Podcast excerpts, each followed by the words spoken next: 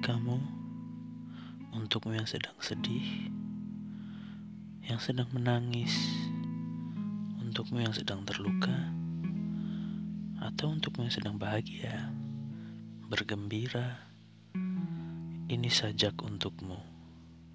Izinkan aku menyajak kamu.